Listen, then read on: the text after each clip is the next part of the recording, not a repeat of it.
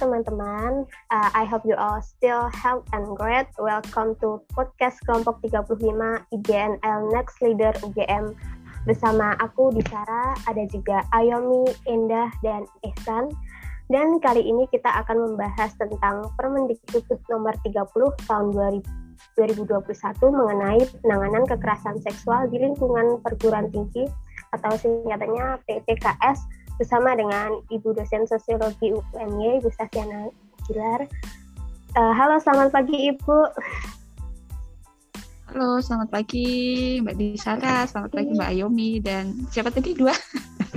Ada Mbak Endah sama Mas Ehsan. Oke, selamat pagi juga Mbak Endah dan Mas Ehsan. Ya, apa kabar Ibu? Baik, uh, Alhamdulillah baik, sehat ya uh, apalagi sudah menuju akhir tahun ini kayaknya. Biasanya kalau akhir tahun itu kalau mahasiswa deadline uas ya banyak. Kalau kita nanti deadline pekerjaan ngoreksi jadi harus selalu semangat. Baik ibu. Terima kasih sekali uh, Bu Sasi telah meluangkan waktunya nih untuk menjadi narasumber pada podcast kita kali ini dan sebenarnya saya ingin bertanya sih Bu tentang hal yang lagi happening banget belakangan ini yaitu Permendikbud nomor 30 tahun 2021 tentang penanganan kekerasan seksual di lingkungan perguruan tinggi. Nah, intinya itu apa saja sih Bu peraturan ini dan kemudian manfaat yang akan didapat jika Permendikbud ini diimplementasikan dengan baik di lingkup kampus? Ya, oke. Okay. Nah, uh, sebenarnya ini memang sedang hype-hype-nya gitu ya, sedang in-innya terkait dengan Permendikbud nomor 30 tentang pencegahan dan penanganan kekerasan seksual di lingkungan perguruan tinggi.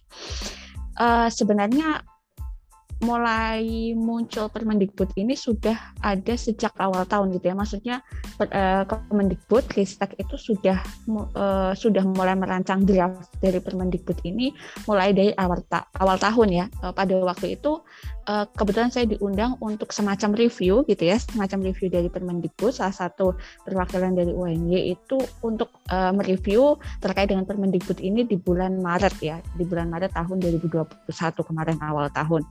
Nah, uh, ketika kemudian saya diundang review itu, saya merasa bahwa oh ini sudah menjadi salah satu apa namanya angin segar gitu ya untuk kita terutama di lingkungan perguruan tinggi atau di lingkungan kampus terkait dengan bagaimana penanganan kekerasan seksual di kampus gitu. Tapi nah setelah itu kan agak lama nih baru muncul berarti kemarin di bulan-bulan apa Oktober ya sepertinya ya. Baru up gitu ya bulan Oktober. Itu kan waktu cukup lama sekitar 7-6 bulan. Nah awalnya itu wah ini bagaimana nih Permendikbudnya? Apakah kemudian jadi rilis atau tidak? Kok sudah berbulan-bulan? Tidak juga muncul gitu. Nah ternyata di bulan Oktober itu baru kemudian eh, benar-benar disahkan untuk menjadi uh, Permendikbud nomor 30 tahun 2021 sehingga untuk kita semua gitu ya terutama untuk uh, kita-kita yang ada di lingkungan perguruan tinggi lingkungan kampus ini menjadi salah satu angin segar tadi menjadi salah satu um, semacam semangat bagi kita semua untuk kemudian melakukan pemberantasan dan pencegahan uh, terkait uh, kejadian kekerasan seksual di kampus gitu ya atau di lingkungan perguruan tinggi. Karena kalau kita melihat gitu kan bagaimana uh, kekerasan seksual itu dalam lima tahun terakhir menurut data dari Komnas Perempuan itu di tahun 2016 hingga 2021 itu uh, ada sekitar 127 kasus pelecehan seksual dan 140 kasus pemerkosaan. Apalagi kemudian teman-teman kita tahu kan di beberapa waktu ini ketika setelah Permendikbud rilis banyak sekali kemudian uh, kasus-kasus yang mencuat. Itu sebenarnya bukan kemudian kasus-kasus itu baru mencuat tapi karena adanya Permendikbud ini kemudian korban itu atau misalnya saksi mulai kemudian berani untuk meng mengungkapkan dan juga melaporkan seperti yang terakhir di Sriwijaya yang dilakukan oleh dosen itu ya kan di Unsri kemudian di Unriau kemudian di UNJ terakhir ada. Uh, kalau di UNJ belum seviral yang ada di Unsri dan uh, Riau gitu ya, tapi kemarin banyak uh, juga di Twitter di uh, UNJ gitu. Kemudian terakhir sekali kalau di lembaga pendidikan gitu ya di pesantren yang itu dilakukan oleh ustadz gitu ya. Nah, yang kemudian sampai hamil uh, bahkan ada yang hamil dua kali. Ini kan menjadi salah satu fenomena bahwa ternyata kekerasan seksual yang terjadi misalnya kita ambil secara lingkup besarnya itu di lembaga pendidikan itu sangat-sangat banyak gitu. Hanya saja kemarin karena tidak ada aturan yang mengatur sehingga orang kemudian lebih memilih untuk diam. Orang lebih memilih untuk uh, tidak mengungkapkan. Nah, sehingga fenomenanya itu kan fenomenanya seperti gunung es. Jadi yang terlihat itu hanya pucuknya saja atau puncaknya saja gitu tapi ternyata di yang tidak ter kuak itu sangat-sangat banyak. Nah, setelah kemudian muncul paling tidak ada Permendikbud nomor 30 tahun 2021 ini semakin banyak semakin banyak muncul semakin banyak orang yang mau melaporkan. Sehingga uh, kasus kekerasan seksual ini tidak hanya menjadi sebuah isu gitu ya tidak hanya menjadi sebuah hal yang dianggap remeh-temeh atau tidak penting tapi kemudian ini bisa menjadi perhatian kita semua yang pada akhirnya nanti harapannya bisa mengarah kepada pengesahan RUU PKS gitu ya uh, pencegahan kekerasan seksual yang sangat-sangat lama prosesnya begitu. Nah, eh, terkait dengan kenapa eh, ada Permendikbud nomor 30 tahun 2021 tentang PPKS itu tadi, sebenarnya yang pertama adalah tujuan utamanya jelas menjadi semacam pedoman dan pijakan gitu ya bagi lingkungan perguruan tinggi atau kampus untuk menyusun kebijakan dan mengambil tindakan pencegahan dan penanganan kekerasan seksual di eh, lingkungan kampus gitu. Jadi Permendikbud ini kan aturan ya yang kemudian dibuat oleh kementerian yang di yang mana uh, itu harus kemudian dilaksanakan oleh seluruh perguruan tinggi gitu ya. Seluruh uh, universitas atau bahkan sekolah tinggi. Semua yang uh, berada di bawah Kemendikbudristek itu untuk kemudian menjalankan dan mengaplikasikan adanya Permendikbud nomor 30 tahun 2021 ini gitu. Sehingga dengan adanya kebijakan ini gitu ya ini kan sebuah aturan yang mana kalau misalnya tidak dilaksanakan akan ada sanksi. Ini adalah aturan yang jelas gitu ya. Sehingga kemudian uh, pedoman itu menjadi uh, pijakan kita semua untuk uh, melihat bahwa kita semua itu perlu mengambil serius fenomena kekerasan seksual ini. Nah, setelah itu sehingga dengan adanya Permendikbud ini akhirnya kampus punya pedoman yang jelas untuk misalnya tentang aturan sanksinya seperti apa kemudian bahkan misalnya di dalamnya itu ada ada eh, semacam pen apa ya penyusunan gitu ya atau pembuatan satgas ya. Satgas terkait dengan uh, pencegahan dan penanganan uh, kekerasan seksual yang harus ada di lingkungan kampus. Bahkan kemudian perlu adanya semacam kampanye-kampanye untuk uh, brainstorming gitu ya, melakukan brainstorming kepada seluruh uh, pihak kampus, entah itu mahasiswa, tenaga kependidikan maupun dosen, uh, bahwa apa saja sih yang uh, terima, uh, masuk dalam uh, aspek kekerasan seksual ya, apa dia baik dalam segi verbal misalnya maupun non verbal. Apalagi kalau sekarang kan di era daring ini kan sangat banyak yang kemudian terjadi di dalam lingkup verbal kekerasan seksual verbal. Itu yang pertama. Kemudian yang kedua sebenarnya tujuan dari adanya Permendikbud ini adalah untuk menumbuhkan kehidupan kampus yang humanis, yang bermartabat gitu, yang setara, yang inklusif, yang kolaboratif, serta kemudian e, menciptakan vibes gitu ya kalau anak sekarang bilangnya vibes lingkungan kampus yang kemudian e, lingkungan yang tanpa kekerasan di antara warga kampus. Entah itu kekerasan sebenarnya misalnya secara umum entah itu kekerasan fisik kekerasan mental bahkan misalnya di dalamnya kekerasan seksual.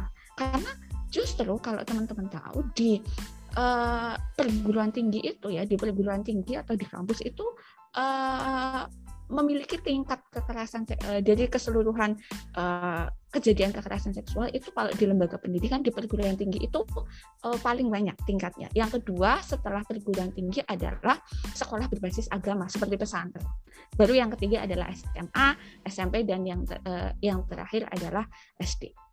Gitu. Dan yang kita selalu menganggap bahwa perguruan tinggi itu menjadi salah satu lokus ya dari pengembangan pengetahuan gitu ya uh, ada berkembang tapi ternyata kemudian itu tidak sejalan dengan tingkat kekerasan seksual yang muncul gitu bahkan kemudian mungkin uh, misalnya dosen-dosen seperti yang terjadi di Unsri itu kan dia kemudian mungkin akan dilihat mahasiswanya sebagai dosen yang bermartabat, yang punya wibawa, yang pintar gitu ya, yang cerdas. Tapi ternyata dengan relasi kuasa yang dimiliki gitu ya, dia melakukan uh, kekerasan seksual, dia melakukan pelecehan kepada uh, mahasiswa-mahasiswanya. Di situ mungkin mahasiswanya hanya bisa diam gitu kan, hanya bisa diam. Mungkin karena apa? Takut yang pertama kemudian yang kedua bisa saja uh, se diam karena dia sedang mengolah uh, pikirannya gitu ya ini beneran dosenku yang selama ini aku anggap uh, cerdas pintar dan berwibawa sedang melakukan kekerasan seksual gitu ya sehingga dia sedang mengelola pikirannya untuk menerima realitas itu kemudian ketiga adalah biasanya juga karena takut untuk diancam nilainya takut diancam disebarkan. Karena ketika mungkin itu disebarkan orang-orang tidak akan percaya masa sih dosen itu melakukan gitu? Masa sih dia emang orangnya baik gitu?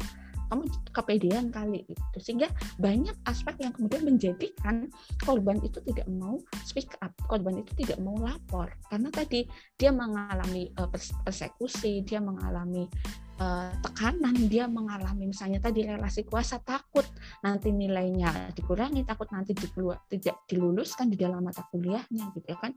Sehingga ketika ada korban di kekerasan seksual di perguruan tinggi itu bisa lapor bisa speak up itu dia pasti mengalami sebuah pergolakan batin dia dia punya keberanian yang sangat tinggi itu sih jadi ada dua secara umum untuk menjadi pedoman atau pijakan dalam menyusun kebijakan untuk mencegah dan menangani kekerasan seksual. Yang ketiga adalah sebenarnya uh, tujuan panjangnya adalah untuk menumbuhkan kehidupan kampus yang humanis yang setara yang inklusif dan bebas dari kekerasan.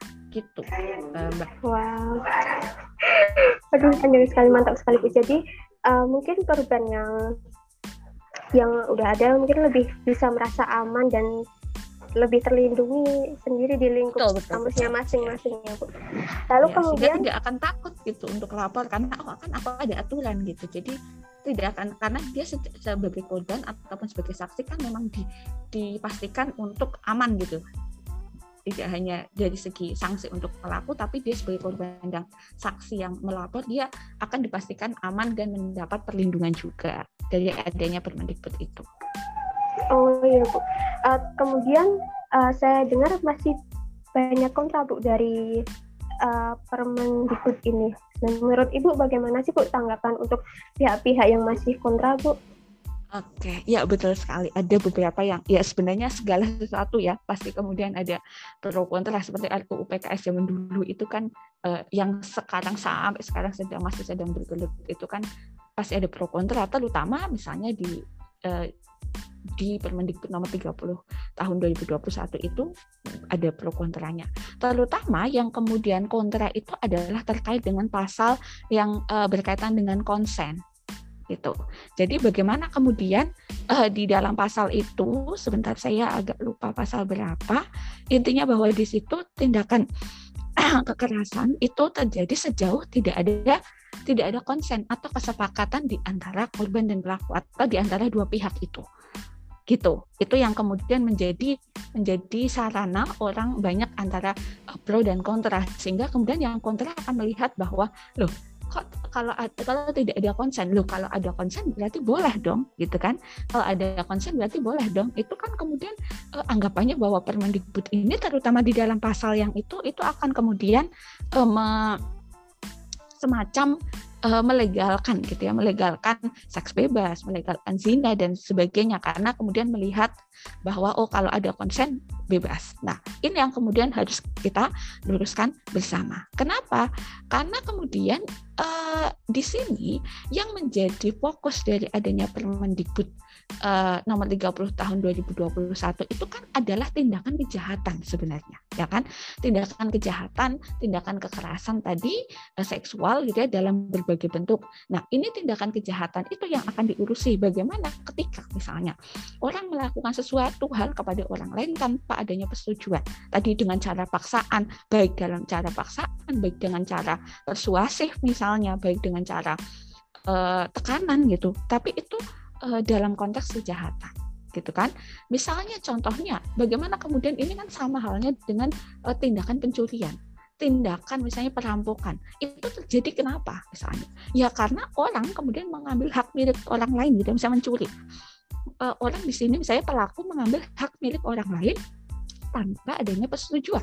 Itu masih ingat itu yang ya itu yang di dipermasalahkan itu itu yang kemudian akan ditindak pidanakan karena dia mengambil sesuatu dari orang lain tanpa persetujuan yang itu disebut pencurian misalnya atau perampokan gitu. Nah beda ketika misalnya orang secara gitu misalnya saya mau ngasih Mbak Ayomi gitu Mbak ini aku kasih uang 50 juta gitu. Loh kenapa Bu? Bapak saya punya banyak uang aja. Saya memberikan itu kepada Mbak Ayomi dan kita sama-sama konsen. Mbak Ayomi misalnya bukan kemudian memaksa saya untuk memberikan, bukan mencuri uang 50 juta itu dari saya, tapi Mbak Ayomi hanya menerima. Kan di situ ada konsen, ada kesepakatan.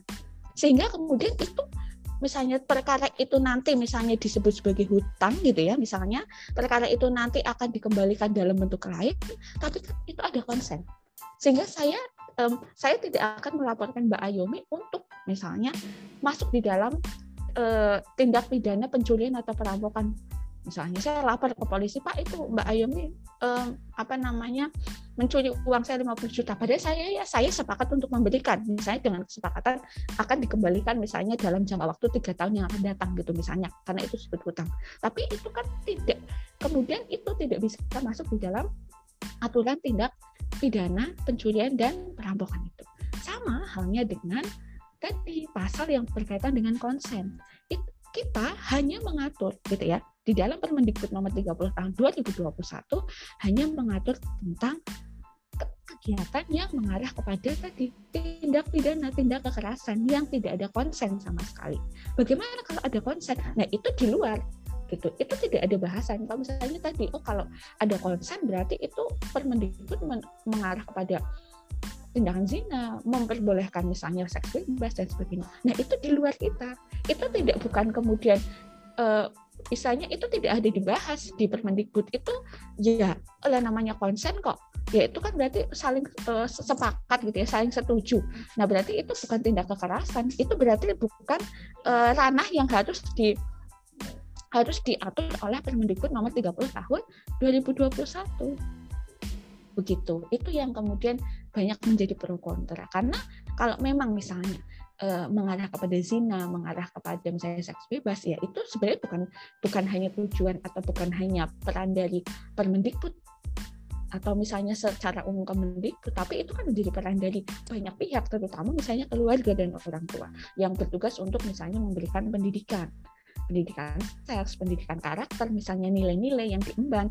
Misalnya kalau mereka menjadikan agama sebagai uh, panduan gitu ya, patokan ya berarti bagaimana keluarga menjalankan nilai-nilai mengarahkan memberikan pendidikan nilai-nilai agama.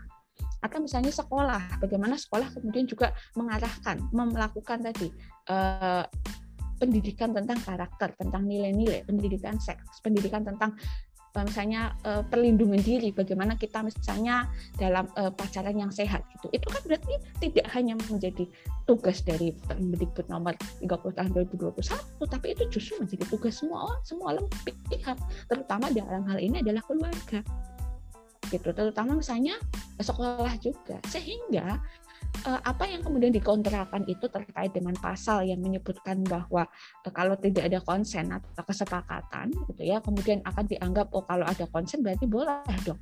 Bukan kemudian boleh. Istilahnya kita kan selalu melihat bahwa oh kalau dia tidak kalau misalnya saya tidak suka berarti saya benci. Kan selalu gitu. Orang selalu pikiran dikotomis ini loh yang membagi dua. Hal misalnya kalau tidak hitam dan putih. Oh kalau kalau nggak hitam ya putih. Kalau nggak salah ya benar kalau nggak benar ya salah gitu. Itu menjadi pikiran atau paradigma yang perlu kita ubah bahwa dunia ini itu tidak hanya uh, berisi sesuatu yang oposisi binar berisi dua hal yang saling bertentangan atau tidak. Jadi kalau misalnya oh kalau ada kalau tidak ada kon kalau itu tidak ada konsen kalau konsen berarti boleh dong bukan kayak gitu. Ini kan kita semacam misalnya kamu suka sama aku nggak? Nggak. Loh kamu benci sama aku? Kan enggak ya kan Loh, iya, aku bener, suka bener, sama kamu bukan berarti aku benci. Ya karena nggak suka gitu kan. Nggak suka itu bukan berarti benci. Ya udah aku misalnya e, kamu kamu suka nggak suka bakso? Enggak loh berarti kamu benci bakso? Ya enggak juga gitu loh. Itu yang pemahaman-pemahaman itu yang perlu juga dirubah gitu. Termasuk misalnya tadi pemahaman bahwa yang pertama konsen atau tidak konsen itu misalnya kalau kita mengurusi yang berkaitan dengan konsen tadi ya misalnya kalau tidak ada konsen itu masuk ke kekerasan bukan berarti kalau misalnya kita membolehkan atau bukan berarti oh kita mendukung adanya tindak misalnya tadi eh, apa misalnya tindakan zina karena ada kesepakatan tindakan eh, seks bebas itu enggak berarti kayak gitu yang kedua bahwa di sini yang menjadi fokus adalah bagaimana kekerasan eh, seksual apa tindakan seksual itu mengarah kepada kekerasan. Nah kalau yang tidak mengarah kekerasan karena saya tadi ada kesepakatan misalnya di dalam pacaran mereka sepakat ya masa mau kita mau kita atur? Itu nggak ada di sini. Ini kalau paksaan ini sebenarnya mengarah kepada tindakan kejahatan, tindakan pidana. Yang kalau misalnya itu tadi, aku kalau mau ngasih uang Mbak Ayumi gitu kan, misalnya ya masa saya mau ngelaporin Mbak Ayumi? Atau misalnya orang lain itu Mbak Ayumi tahu nggak dia itu mencuri uang sih 50 juta nah padahal saya tuh kasih atau misalnya kita sepakat oke okay, kamu aku kasih uang 50 juta tapi nanti dikembalikan ya tiga tahun yang akan datang oke okay, gitu. Ya masa orang lain mau melaporkan? Itu kan berarti beda perkara gitu kan? Atau misalnya kalau terjadi apa-apa ya berarti kesepakatannya antara saya dengan Mbak Ayomi bukan kemudian masuk di dalam tindakan pencurian dan perampokan tadi. Begitupun dengan ini gitu loh karena orang kan sebenarnya tadi ya perkaranya adalah lebih kepada selalu melihat sesuatu secara oposisi biner itu tadi. Kalau nggak hitam ya putih. Kalau aku nggak suka sama kamu berarti aku benci. Atau kalau misalnya kalau aku nggak benci sama kamu berarti aku suka gitu kan? Kayak enggak kamu benci sama aku. Enggak. Oh berarti kamu suka. Nggak suka juga ya biasa aja gitu misalnya. Tapi orang nggak gitu sih. Oke baiklah. Jadi mungkin lebih ke merubah paradigma ya tolong di benarkan lagi paradigmanya teman-teman yang masih kontra akan Permendikbud ini. Tolong pikirkan manfaatnya juga. Dan uh, ini pertanyaan terakhir ibu.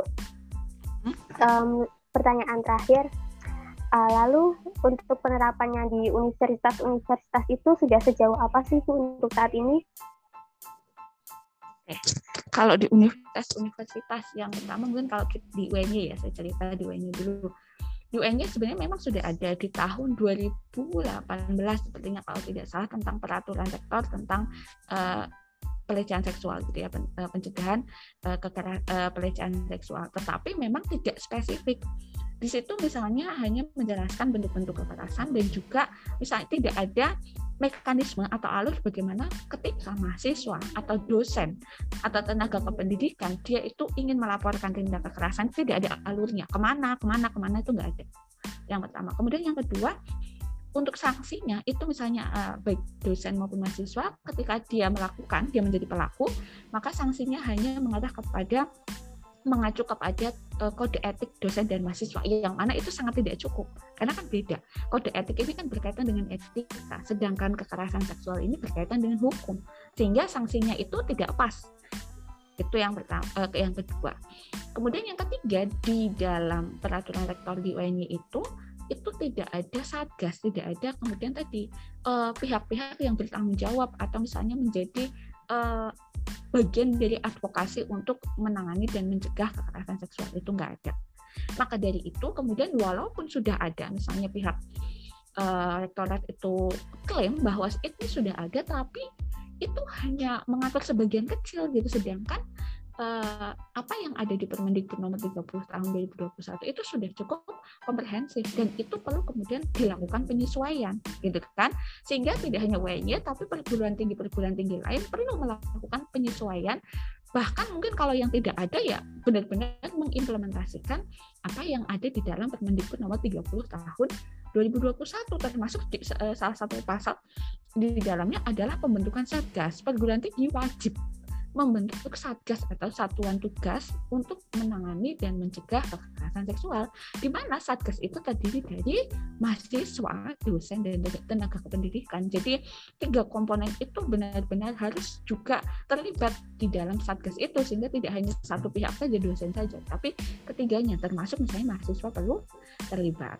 Nah, Eh, kampus-kampus di perguruan tinggi se sependek pengetahuan saya sampai saat ini belum banyak yang mengimplementasikan ya karena yang pertama masih baru juga kan. Mungkin yang paling uh, yang memang paling uh, progresif itu ya dari Visipol UGM karena sebelum ada Permendikbud kan uh, uh, terutama pasca adanya kasus Agni itu kan Visipol kemudian sudah membentuk semacam satgas gitu kan.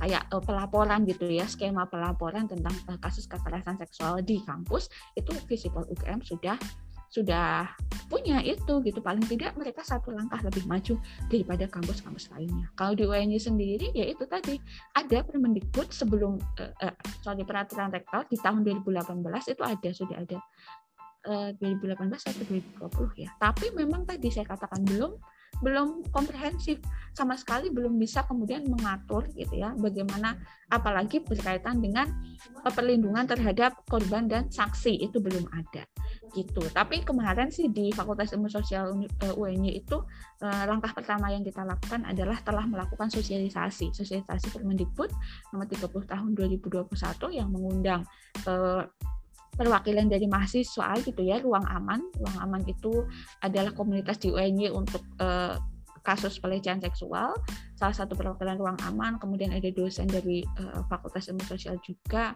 kemudian ada dari uh, bidang uh, kemahasiswaan rektorat, dan yang terakhir ada juga dari Rifka Anissa.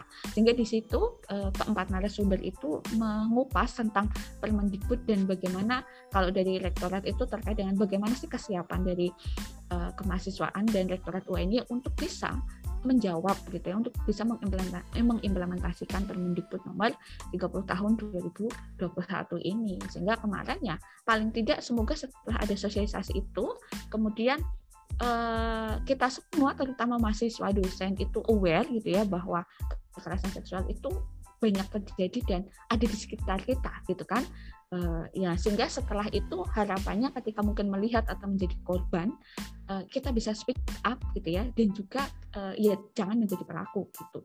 Kemudian kalau dari segi kebijakan harapannya setelah ada sosialisasi itu akan ada follow up terutama terkait dengan yang paling urgent sebenarnya adalah pembentukan satgas itu itu harus segera dilakukan gitu. Mengingat ya sebenarnya banyak sekali di kita itu terjadi kasus-kasus pelecehan seperti itu. Sehingga kalau ada satgas ada alur atau mekanisme pelaporan itu kan harapannya mahasiswa tidak lagi bingung. Kadang kan bingung saya harus lapor ke mana? Kalaupun sudah lapor apa iya kasus saya itu bisa ditindaklanjuti? Gitu kan e, juga bingung gitu. Sehingga kalau sudah ada satgas sudah ada e, pengesahan misalnya implementasi Permendikbud itu di setiap kampus paling tidak mekanismenya sudah jelas semua orang merasa aman baik dia misalnya sebagai saksi maupun sebagai sebagai korban dan pelaku juga akan merasa ketawa ketir saya kalau akan terus melakukan ini mungkin saya akan kena gitu. Atau misalnya eh, saya akan mendapat banyak sanksi secara hukum maupun secara sosial gitu. Sehingga eh, kesadaran akan banyak muncul karena eh, kebijakannya pun sudah mumpuni gitu sudah kemudian bisa mengcover. Beda kalau misalnya tidak ada kebijakan tadi tidak ada aturan. Ya orang mau lapor juga mau menghukum tidak ada aturannya, tidak ada pasal-pasal yang jelas gitu ya. Orang mau melapor juga merasa bahwa wah nanti saya malah dihujat atau saya malah saya yang kemudian dikucilkan. Karena saya merasa uh, saya dianggap mengada-ada, ngarang cerita misalnya orang lain juga akan merasa halah kayak gitu aja lebay gitu misalnya. Atau kita semua tidak sadar bahwa eh, kasus kekerasan seksual itu sangat dekat dengan kehidupan kita. Bahkan mungkin kita pernah menjadi korban ya kita pernah menjadi pelaku. Apalagi kalau sekarang di era pembelajaran daring itu kan banyak sekali kemudian terjadi dalam konteks verbal gitu ya pelecehan dari konteks verbal. Baik misalnya sesama mahasiswa dosen dengan mahasiswa atau bisa juga mahasiswa terhadap dosen. Gitu mbak Wah, mantap sekali ini saya mendengarkan diskusi. Jadi diharapkan banget ya semoga seluruh universitas di Indonesia segera membentuk satgas-satgasnya dan diharapkan semoga semakin banyak masyarakat terutama dari mahasiswa sendiri yang mengerti akan Permendikbud ini dan pentingnya untuk keamanan kita semua dan tentunya diharapkan uh, Permendikbud ini tuh bisa diterapkan dengan baik di kampus-kampus di seluruh Indonesia. Oh. Baik Bu Susi, uh, Bu Bu Safi, maaf. Terima kasih banyak. Mungkin Bu Safi mau ngasih closing statement nih, terutama untuk uh, orang-orang uh, yang masih kontra dengan Permendikbud ini. Singkat saja, Bu Safi. Oke, terima kasih closing statementnya adalah mari kita ciptakan lingkungan yang tadi yang humanis, yang uh, inklusif, yang setara bagi kita semua gitu ya.